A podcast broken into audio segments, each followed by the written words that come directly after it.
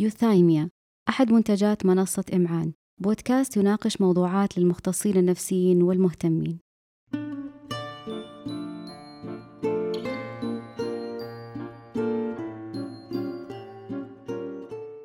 السلام عليكم ورحمة الله وبركاته أصدقائنا المستمعين. معكم عمار نواب مقدم بودكاست يوثايميا أحد منتجات منصة إمعان.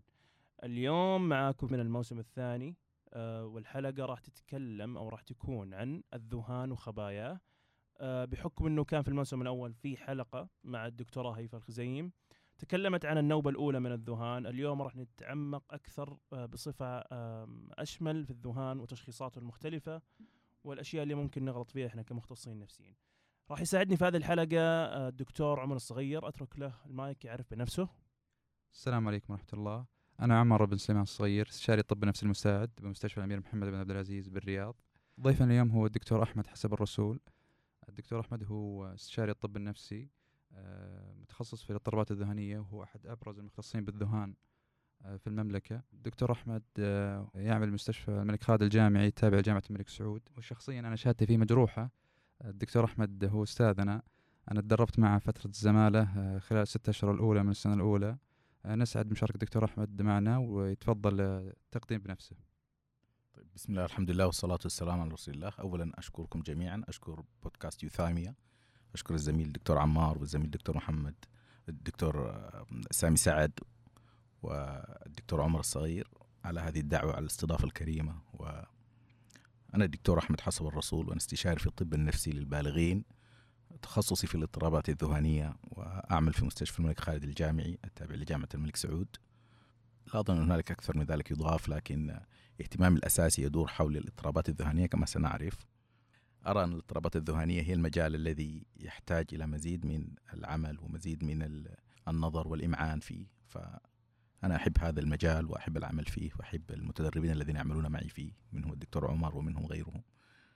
ممتاز. يعطيك العافية دكتور أحمد. يمكن زي ما نقول دائما الذهان من الأشياء اللي آه، لابد أي مختص نفسي يكون عنده إلمام كامل فيها وبخباياه زي ما يقولوا ويكون الرعاية فعلا آه، مع الفئة هذه آه، تكون رعاية كاملة. حتى إنه دائما كان في مقولة إنه السيكاتست أو الطبيب النفسي عشان يصير طبيب نفسي لابد إنه يكون ملم بشكل كامل بالذهان والتعامل مع الذهان. طيب دكتور أحمد آه، لو تعطينا نبذة موجزة عن الذهان والتاريخ يعني من بداياته في البشرية. آه، الذهان قديم الذهان قديم يمكن يكون عند التقصي نجد أن المكتوب في المراجع هو أكثر يدور حول مصطلح الذهان أو سايكوسيس. أما الذهان طبعا هو قديم قدم قدم الطب وقدم الإنسان فمثلا نحن نجد أن مصطلح الذهان أصلا بداياته في الأدبيات الطبية الحديثة يمكن على العام 1780 أو بعد ذلك عندما تبنى المجتمع العلمي أو تبنت المؤسسات العلمية في الغرب التوجه لتقسيم الأمراض إلى أمراض عصابية أو عصبية بمعنى إنها هي أمراض تتعلق بالجهاز العصبي مثل الشلل ومثل نحو ذلك وأمراض طبعا هو هي نظرية أتى بها أحد العلماء في وقته يسمى كولن ويليام كولنز وتقبلتها الأوساط العلمية. فهي عموما هي كانت نظريته تقوم على أن الحياة هي عبارة عن الطاقة العصبية التي تنتظم الجسد. فخرج بذلك الاضطرابات النفسية. خرجت الاضطرابات النفسية وقتها باعتبار أنها ليست اضطرابات عقلية لا تتعلق بالدماغ بالمعنى الحرفي حسب الفهم في ذلك الوقت طبعا. فصار هنالك إشكال في توصيف الاضطرابات النفسية. فأرجعت إلى الروح أو إلى العقل إلى ال mind اللي يسموها كده سايكي سايكي هي أصلا باللاتين أو باللاتينية تعني الروح ابتداء. فسميت بالاضطرابات الروحية بالمعنى هذا الفهم. وسايكوزيس أو وقتها قبل ظهور مصطلح سايكوزيس كان ما يعرف أو ما يقابل مصطلح سايكوزيس عندنا كان يشمل توصيف كل الأمراض النفسية التي نتعامل معها اليوم. بمعنى الاكتئاب يدخل فيها والقلق وكل الاضطرابات النفسية والقصورات الإدراكية وكلها تدخل في هذا الجانب. ثم تطور المصطلح تدريجيا إلى أن أخذ الشكل الذي نعرفه الآن. لكن بداياته كان أن المجتمعات العلمية تقبلت نظرية ويليام كولينز وصار إنه الاضطرابات العصبية ال- ترجع إلى الدماغ والاضطرابات النفسية ترجع إلى الروح. طبعا الآن نحن نعرف جميعا أن هذا التقسيم وهذا في كثير في إشكالات كبيرة جدا. لكن هذه هذه مثلا مقدمة لكن بشكله الحالي لغاية يمكن نقدر نقول لغاية الستينات من القرن الماضي كان التوصيف للذهان غير واضح، كان توصيف الذهان سايكوزيس يدور حول درجة الاعتلال أو درجة ال- القصور الوظيفي الذي يصير معه، فكل ما كان هنالك مرض نفسي ارتبط بقصور وظيفي عالي بمعنى تاثيره كان عظيم على وظيفة الإنسان وكان شديد الوطأة على حياة المريض كان يوصف بأنه ذهان. وطبعا تداعيات التقسيم الأول أن الذهان هو الأمراض النفسية جملة. ثم حتى ال DSM 1 اللي هو ظهر في عام تقريبا في الخمسينات من القرن الماضي وال DSM 2 ال DSM طبعا هو الدليل التشخيصي لرابطة الطب النفسي الأمريكية.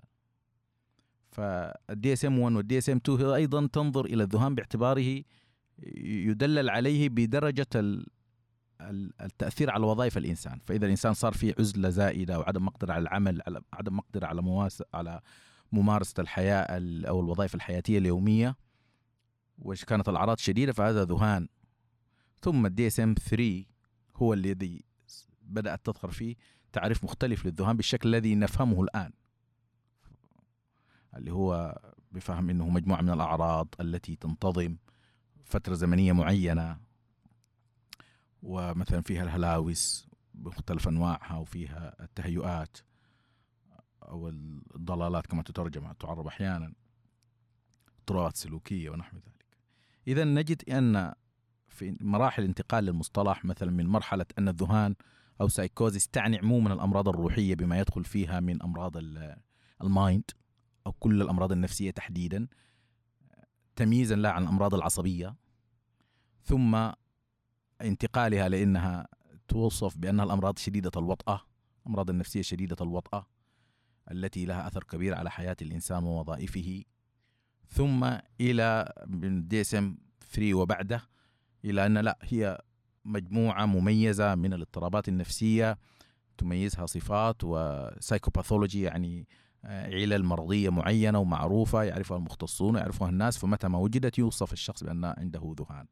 هذه خلفية تاريخية يعني سريعة لكن طبعا فيه تفاصيل كثيرة جدا لكن آه، بس أذكر هنا على سبيل الفائدة أن أكثر من كتب حسب علمي في هذه المسائل وأكثر من تاريخيا من كان له علاقة بالبحث والتنقيب في هذه المسائل والتوصيف وهم العلماء الألمان. كان له أثر كبير وغيره. لكن الألمان تحديدا يعني ألاحظ إن كل الأسماء اللي تمر بنا عند البحث التاريخي في مصطلح الذهان أو في تصنيف الأمراض النفسية عموما في الطب النفسي الحديث الحديث ما أقصد بالحديث يعني الآن المعاصر. أقصد ب- يعني نتحدث عن ث- 300 سنة أو نحو. ذلك ثلاثة قرون أو نحو ذلك. فنجد العلماء الألمان دائما وكثير من هذه المراجع موجودة لكنها باللغة الألمانية فلا أدري أنها ترجمت أم لا. طيب دكتور أحمد أنا عندي تساؤل. هل في آه يعني أول حالة يعني خلينا نقول سجلت آه أو وثقت عن الذهان مثلا تاريخيا آه في حالة يعني مثلا معروفة في السابق آه وصفت بوصف ديسك يعني وصفي دقيق كانوا آه ما هم مثلا آه عارفين إيش اللي صاير مع ال- الشخص أو المريض؟ يمكن الدكتور عمر هو أكثر مخ يعني أكثر مختص عندنا في التاريخ فلا يفتاء ومالك في المدينة يعني يمكن عمر الصغير يقدر يفيدنا أكثر. لكن أحب بس أقول شيء إنه وجدت مثلا في القانون لابن سينا توصيف لحالات الاكتئاب الذهاني اللي هو ملانكوليك ديبريشن توصيف دقيق جدا. فعشان كده قلت في البداية إنه نتحدث عن تاريخ المصطلح لكن تاريخ المرض نفسه فهو قديم. قديم. فتوصيف الميلانخوليا وما أدري كيف كانوا يقولوها في وقتها. يعني توصيفها في القانون لابن سينا واضح جدا. وفي كتب التراث الإسلامي الكتب القديمة كثير جدا الكلام عن الم- المرض النفسي بمفهوم الجنون.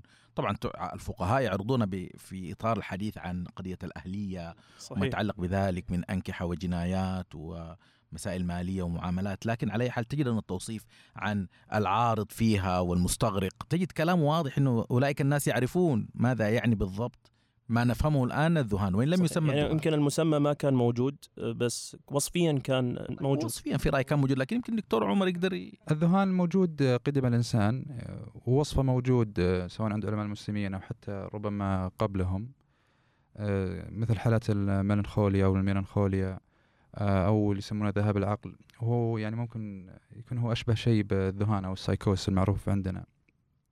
وحتى كذلك في آم، آه، تجد أشياء كلها شبيه وصف مثلا يسمونه المجنون أو شيء شبيه بالجنون يكون فيها آه، أعراض شديدة آه، لدرجة يكون العلاج ال- الوحيد المناسب لهم هو ال- القيد. مثل يسمونه ال- في مثل فلان مجنون فلان مربط. ففي الحالات هذه يكون الحل, الناجع معهم أو المناسب لهم في ذلك الوقت هو التقييد فقط لتهدئة الاضطراب السلوك الشديد اللي يكون عندهم. لكن تحديد أقدم حالة أو آه، أول حالة وصفية ربما في بعض من الصعوبة. لكن الشيء ثابت هو أن نستطيع نقول أن ال- حالة الذهان كانت آه، ثابتة وموجودة على قدم على قدم الحالة الإنسانية عموما. طيب دكتور بالنسبة للخدمة والوصمة إحنا نعرف أن نعاني من الوصمة في الأمراض النفسية عموما وكثيرا ما يكون الحديث في الوصمة عن الأمراض مثل أمراض الاكتئاب القلق آه، يعني يمكن ما يسمى الاضطرابات العصابية آه، وهي فعلا الوصمة جزء كبير من الأشياء اللي نعاني منها في التعامل معها. لكن ممكن نقول أن في الاضطرابات الذهانية آه، مرضى الذهان يعانون من الوصمة والخدمة أو عدم الوصول للخدمة بشكل أكبر. فكيف يمكن المختص النفسي أنه يتعامل مع الموضوع هذا من ناحية الوصمة ومن أيضا من ناحية تسهيل الوصول للخدمة الوصمة هي ظاهرة اجتماعية طبعا يعني تحدث في جملة من الأشياء ليس فقط في الأمراض النفسية هنالك وصمات اجتماعية ترتبط بكثير من الأشياء وكثير من الظواهر. اللي يهمنا هنا طبعا طبعا الحديث عن الوصمة تحت المرض الم- النفسي الوصمة التي كما قلت يعني نلاحظ أن وصمة الاضطرابات الذهانيه والفصام تحديدا هي أعلى من بقية الأمراض. فتجد كثير من المرضى يفضل أن يقول أنا عندي اكتئاب أو عندي قلق أو أو قلق اجتماعي أو تجد الأسر يوص- يوصفون المرضى أنه عنده مثلا قلق اجتماعي في مكان الحديث عن البارانويا أو نحو ذلك. ومن ناحية أثر الوصمة واضح أنه يعيق الوصول للخدمات الصحية يعيق الاستفادة من العلاجات يؤخر العلاج. يدخل المجتمع في دوامة عدم ال- التقبل للمرضى وعدم التقبل لأسر المرضى على مستويات متعددة. تقبل المرضى في المدرسة الشباب الصغار. طبعا إحنا نفهم جميعا أن الاضطرابات الذهانيه في الجملة بداياتها عادة تكون في العمر بين 14 و 25 ف 80% من الحالات من كل مجموعة الاضطرابات الذهانيه طبعا نفهم فيما بعد من تعريف الذهان ان أن الذهان ليس هو تشخيص. الذهان هو عبارة عن مصطلح هي حالة عيادية تنتظم مصطلحات مختلفة تشاخيص مختلفة تحتها تندرج تحتها مثلا الفصام حوالي 52% أو أكثر قليلا من 50% من مجموع ال- الاضطرابات الذهانية تدخل تحت ت- تشاخيص مختلفة. لكن في الجملة مجموعة ال- الاضطرابات الذهانية تبدأ أو يبدأ ظهورها في عمر صغير. في العمر بين 15 و 14 و25 عمر الشباب عمر التحصيل. فيجري صعوبات فظيعة ونعيش ذلك كل يوم في قبولهم في المدارس في قبولهم في في الأندية الرياضية حتى بعد العلاج. يتعرضون لكثير من التنمر يتعرضون لتنمر مؤسسي من بعض المؤسسات التعليمية. كل هذه يمكن نرجعها لقضية الوصمة. ثم ننتقل بعدها إلى الزواج فرص ال- الشاب والشابة في الزواج فرص الشاب والشابة في العمل. إشكالات كثيرة تتعلق بمكان العمل و... وتمييز واضح نراه في كثير من الأحيان. ليس فقط عندنا هنا في المملكة إنما هي مسألة ظاهرة عالمية اجتماعية.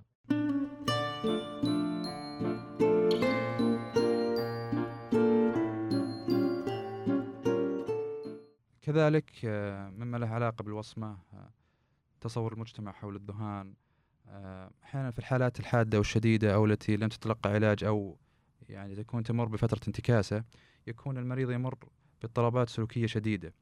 فبعض الناس يتصور أن هذا الاضطراب هو هو الحال العام للمرضى آه، وبسبب كذا يظن أن وضعهم هذا يشكل خطر كبير على المجتمع. بينما نحن نعرف أن في كثير من الأحيان المرضى هم الضحايا وليسوا هم الجنات. فالسؤال هل هذا التصور صحيح موجود لدى الناس؟ وكيف يمكننا أن نتعامل معه بطريقة صحيحة؟ البحوث البحوث التي أجريت تجد دائما النتائج متقاربة. أن آه، العرض الإعلامي في مختلف وسائل الإعلام سواء الإعلام الحديث ال social media الإعلام مفتوح جدا أو الإعلام الأكثر رسمية وأكثر مثل الجرايد والإعلام المقروء أو غيره. أن قضية العنف المتوقع وأن المريض النفسي ارتكب قضية عنف تجد كثير. حوادث الضرب والقتل والاعتداء تحدث يوميا للأسف. هذا ليس لا يفرح بذلك لكن هذه الحقيقة هذه طبيعة الحياة. لكن تجد الحوادث التي تجد طريقها للنشر وتجد الحوادث التي تجد طريقها إلى صفحات الجرائد هي عادة إذا صارت حادثة مرتكبها من المرضى النفسيين أو ثبت أن عنده سابقة مرض نفسي.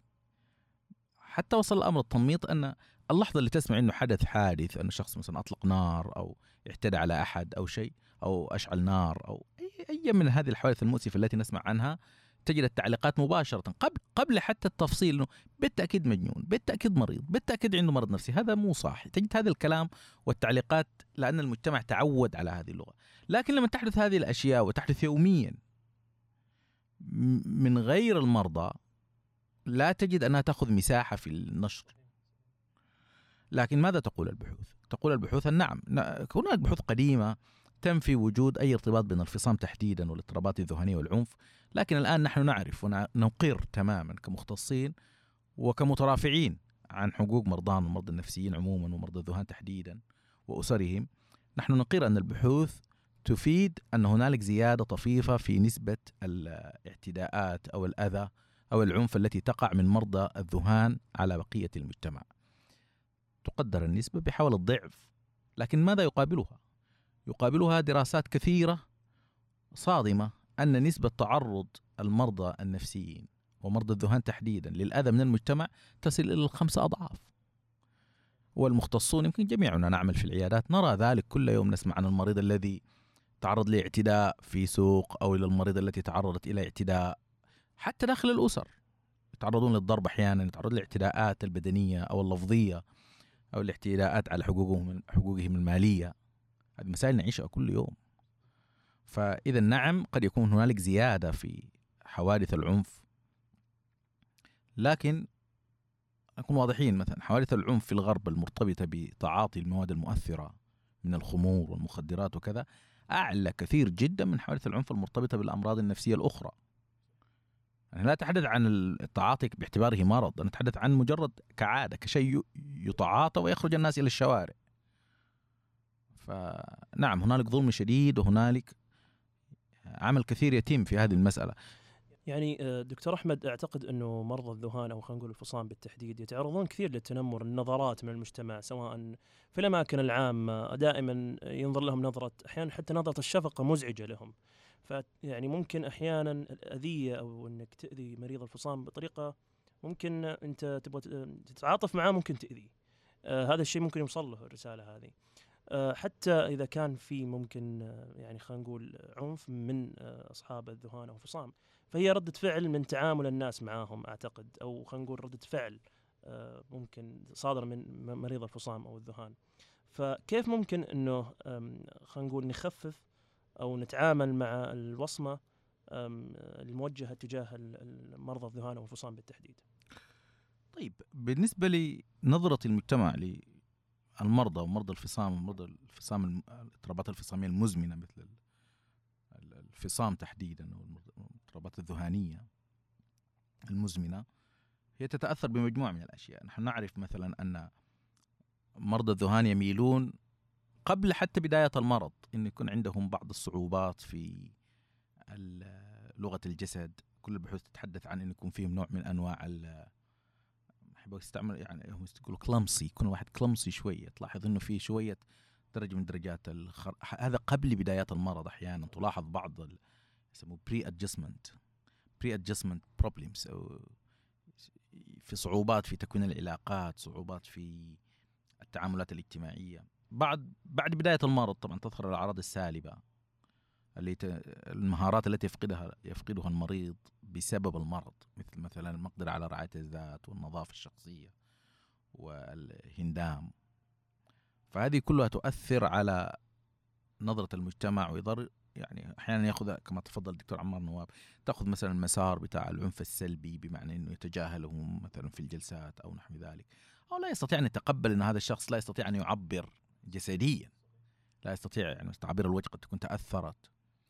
بسبب الفصام المزمن أو مثلا استعمال لغة الجسد أو النظرات فلا يستطيع المجتمع أحيانا أن يتقبل ذلك ويتحول الأمر إلى على أفرض على أحسن الفروض إلى تجاهل إن لم يكن تنمر وسخرية.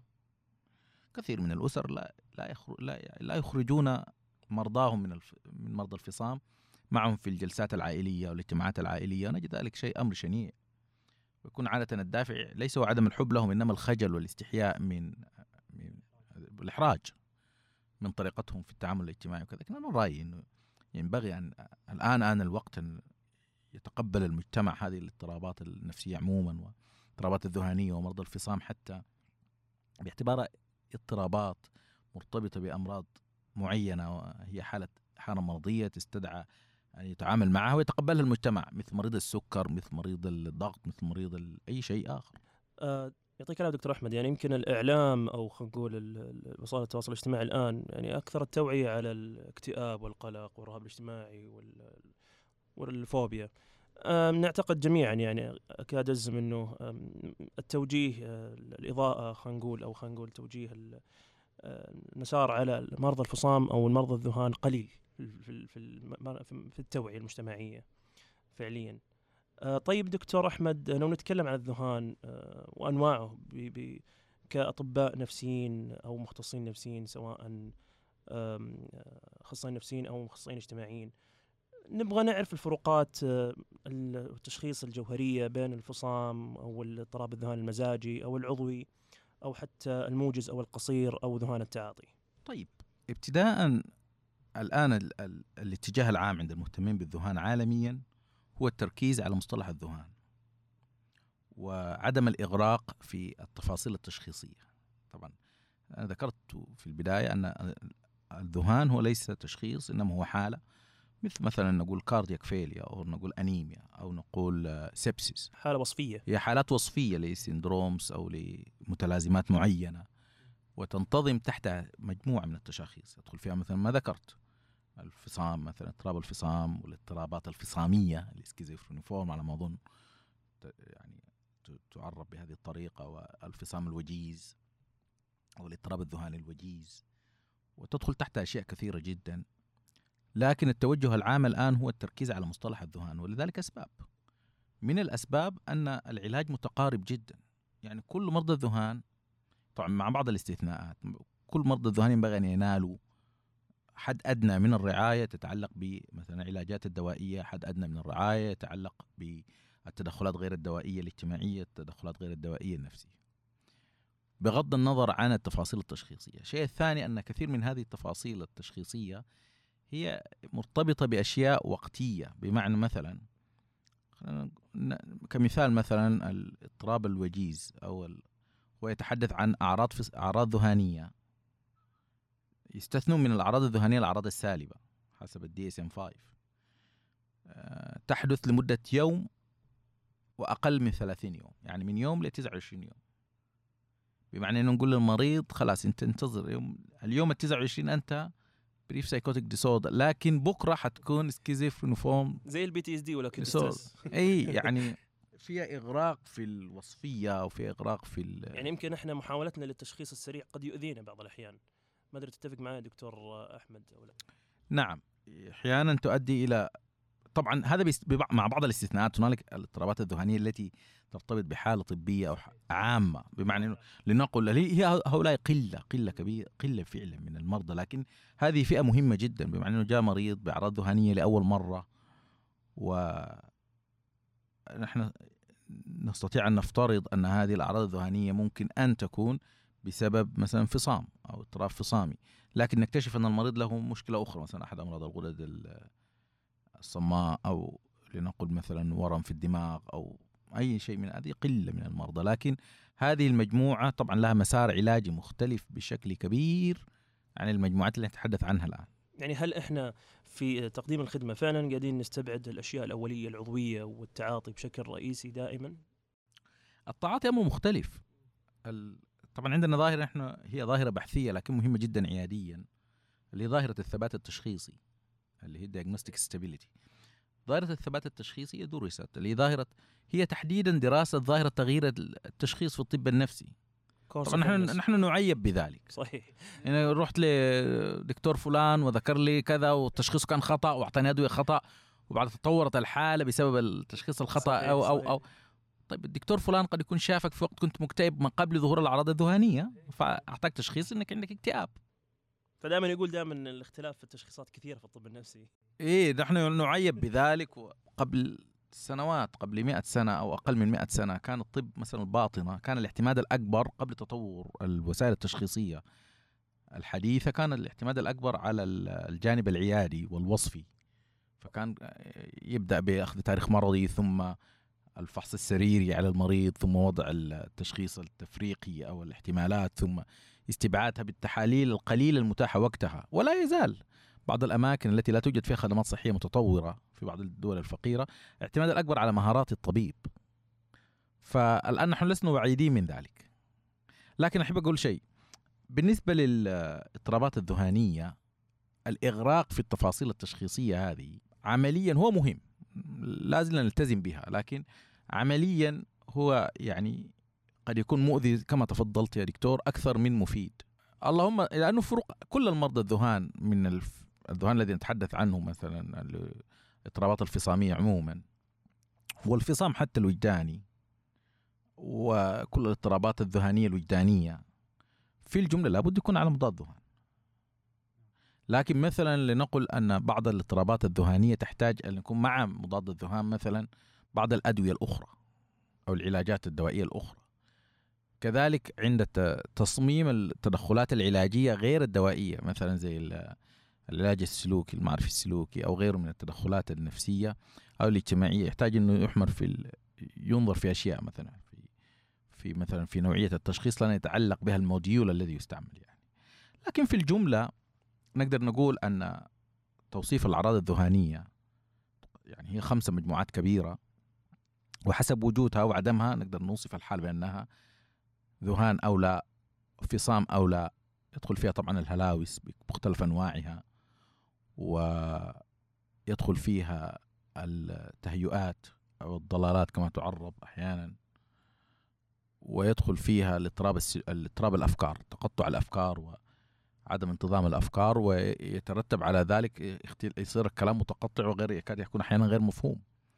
ويدخل فيها بشكل أقل تخصيصا أقل يعني تعتبر أقل أهمية لانها غير مخصصه أو غير مختصه بالاضطرابات الذهانيه يدخل فيها مثلا التغيرات السلوكية ويدخل فيها التخشبية الأعراض التخشبية. ويدخل فيها أيضا أشياء أخرى. فنحن نحتاج الأعراض السالبة مثلا لا تعتبر الآن حسب الوسائل التشخيصية التوصيات التشخيصية لا تعتبر الأعراض السالبة كافية لتشخيص الفصام.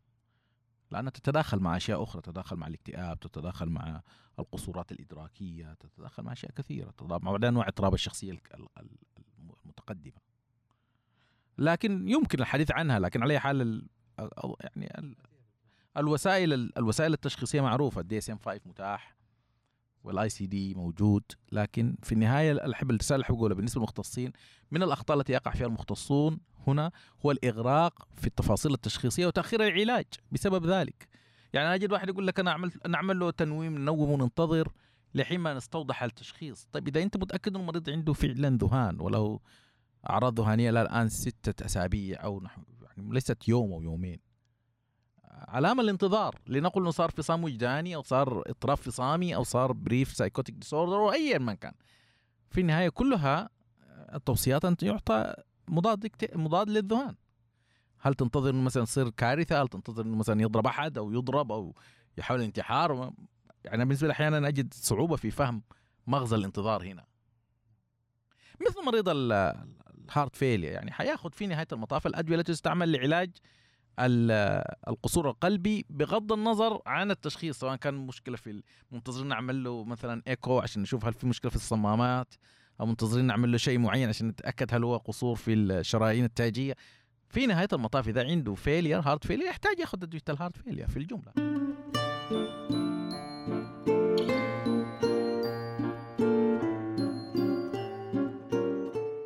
كان هناك حلقة سابقة عن النوبة الأولى فممكن ما نحتاج نفصل فيها. لكن في بعض الأمور آه، ممكن آه، يعني آه، تجدر الإشارة إليها. مثلا ما هي البرامج العلاجية المتوفرة؟ آه، كذلك وش المآلات للمرضى وحالاتهم المعروف عندنا البروجنوسيس الملاحظ أن يعني هناك عوامل معينة تحسن من مآلات مرض أو الاضطرابات الذهنية عموما وهناك عوامل تؤخر مآلات ال- الاضطرابات الذهنية عموما. اهم هذه العوامل في رأيي هو قضية متى يعني يبدأ المريض العلاج. أنا ذكرت سابقا أن الاضطرابات الذهنية في 80% من الحالات تبدأ في العمر ما بين 14 و 25 أو 30 هذا عمر التحصيل عمر ال- العمل عمر الدراسة. فتأخير العلاج يترتب عليه تأخير كبير على هؤلاء المرضى في تحقيق أهدافهم في الحياة. من ناحية ثانية كل البحوث تثبت بشكل مضطرد أن تأخير فترة العلاج كما أظن أن الدكتورة تحدثت قبلي عن هذه المسألة تأخير فترة العلاج وفترة الذهان غير المعالجة والمهمل اسمها duration of untreated psychosis اللي دي يو بي فيها بحوث كثيرة جدا. تؤخر من من الاستجابة للعلاج تزيد نسبة المقاومة للعلاج تزيد نسبة الأحداث المؤسفة التي تحدث مع الذهان منها الانتحار منها منها منها. يعني يكاد يكون الأمر مضطرد في البحوث. سواء كانت هذه هي السبب يعني الناس يظن إنها العلاقه سببية إنه تأخير العلاج يؤدي إلى هذه المآلات السلبية أو سواء كان ارتباط بغض النظر. لكن نحن ننظر أنا يعني استغرب إنه يكون في أصلا نقاش في هذه النقطة. الآن من يقول مثلا ينبغي أن نأخر علاج علاج مثلا مرض السكر؟ إذا ظهرت علامات السكر نقول استعجل قبل ما تحصل الم- المضاعفات. فهذه الأشياء المهمة. وهذا يرجعنا مرة ثانية لقضيه الوصمة. إيش اللي يجعل الأسر تتأخر في عرض المريض على الطبيب النفسي. إيش اللي يجعل المريض نفسه إذا شعر إن الأمور متغيرة عليه في البدايات؟ يرفض العلاج. لأنه يعلم أو تعلم الأسر أن هناك نظره مجتمعية سلبية خاصة للأمراض النفسية في الجملة. وإذا صار الامر يتعلق بالذهان يصير الامر اسوء وإذا صار الانفصام يصير حتى اسوء من ذلك كله. فتأخير العلاج يسوي من مآلات ال- ال- الخطة العلاج من مآلات المرض. الشيء الثاني تأخير العلاج والتقطع فيه. التقطع في كيف نقدر هؤلاء الشباب إنه يتقبلوا المرض يتقبلوا حياتهم مع المرض. نحن نعرف أن أن هنالك نسبة مقدرة منهم يحتاجون علاج على المدى البعيد. وهذه الفئة من الناس يحتاجون دعم كبير لتقبل حتى هذه مجرد هذه الحقيقة الاستمرارية على الدواء مهم. يعني كيف تقدر تعالج النقطة هذه أيضا؟ إيه، إيه، في طريقتين للنظر لهذه النقطة، في طريقة للنظر لمشكلة الاستمرار على الدواء على أساس هي يعني سلوك متوقع من شخص في عمر صغير وجد أنه محتاج لقيود كثيرة حياتية ودوائية إنه يلتزم بأخذ الدواء كل يوم أو الإبرة كل أسبوعين أو كل أربع أسابيع وإنه يحتاج إنه يروح العيادة. رفقاء رفقاؤه في المدرسة أصدقائه في البيت في الحارة ما لا يحتاجون ذلك. فهي هنا قد يدخل الجانب النفسي اللي هو يشبه حالة الإنكار. وأحيانا بعض الأسر نفسهم يص- يصلون لهذه النقطة إنه رفض للفكرة من حيث هي. يحتاجون وقت لل- للتكيف مع هذه النقطة. هنالك جا- جانب آخر النظر إليه باعتبار أن الاضطرابات الذهانية أصلا ذكرنا أن الرجل اللي اقترح أن هنالك أن كل الأمراض أصولها من الطاقة العصبية و- وأخرج منها الأمراض النفسية بالتالي ظهرت مصطلح الأمراض الروحية اللي هو السايكي وتبنى عليه من تتطور إلى الذهان سايكوسيس ذكرنا قبل ذلك ان هذا الكلام خطأ. نحن نعرف أن الذهان يرتبط ب بكثير من العوامل البيولوجية ومن ذلك تأثيره على مراكز الإدراك في الدماغ.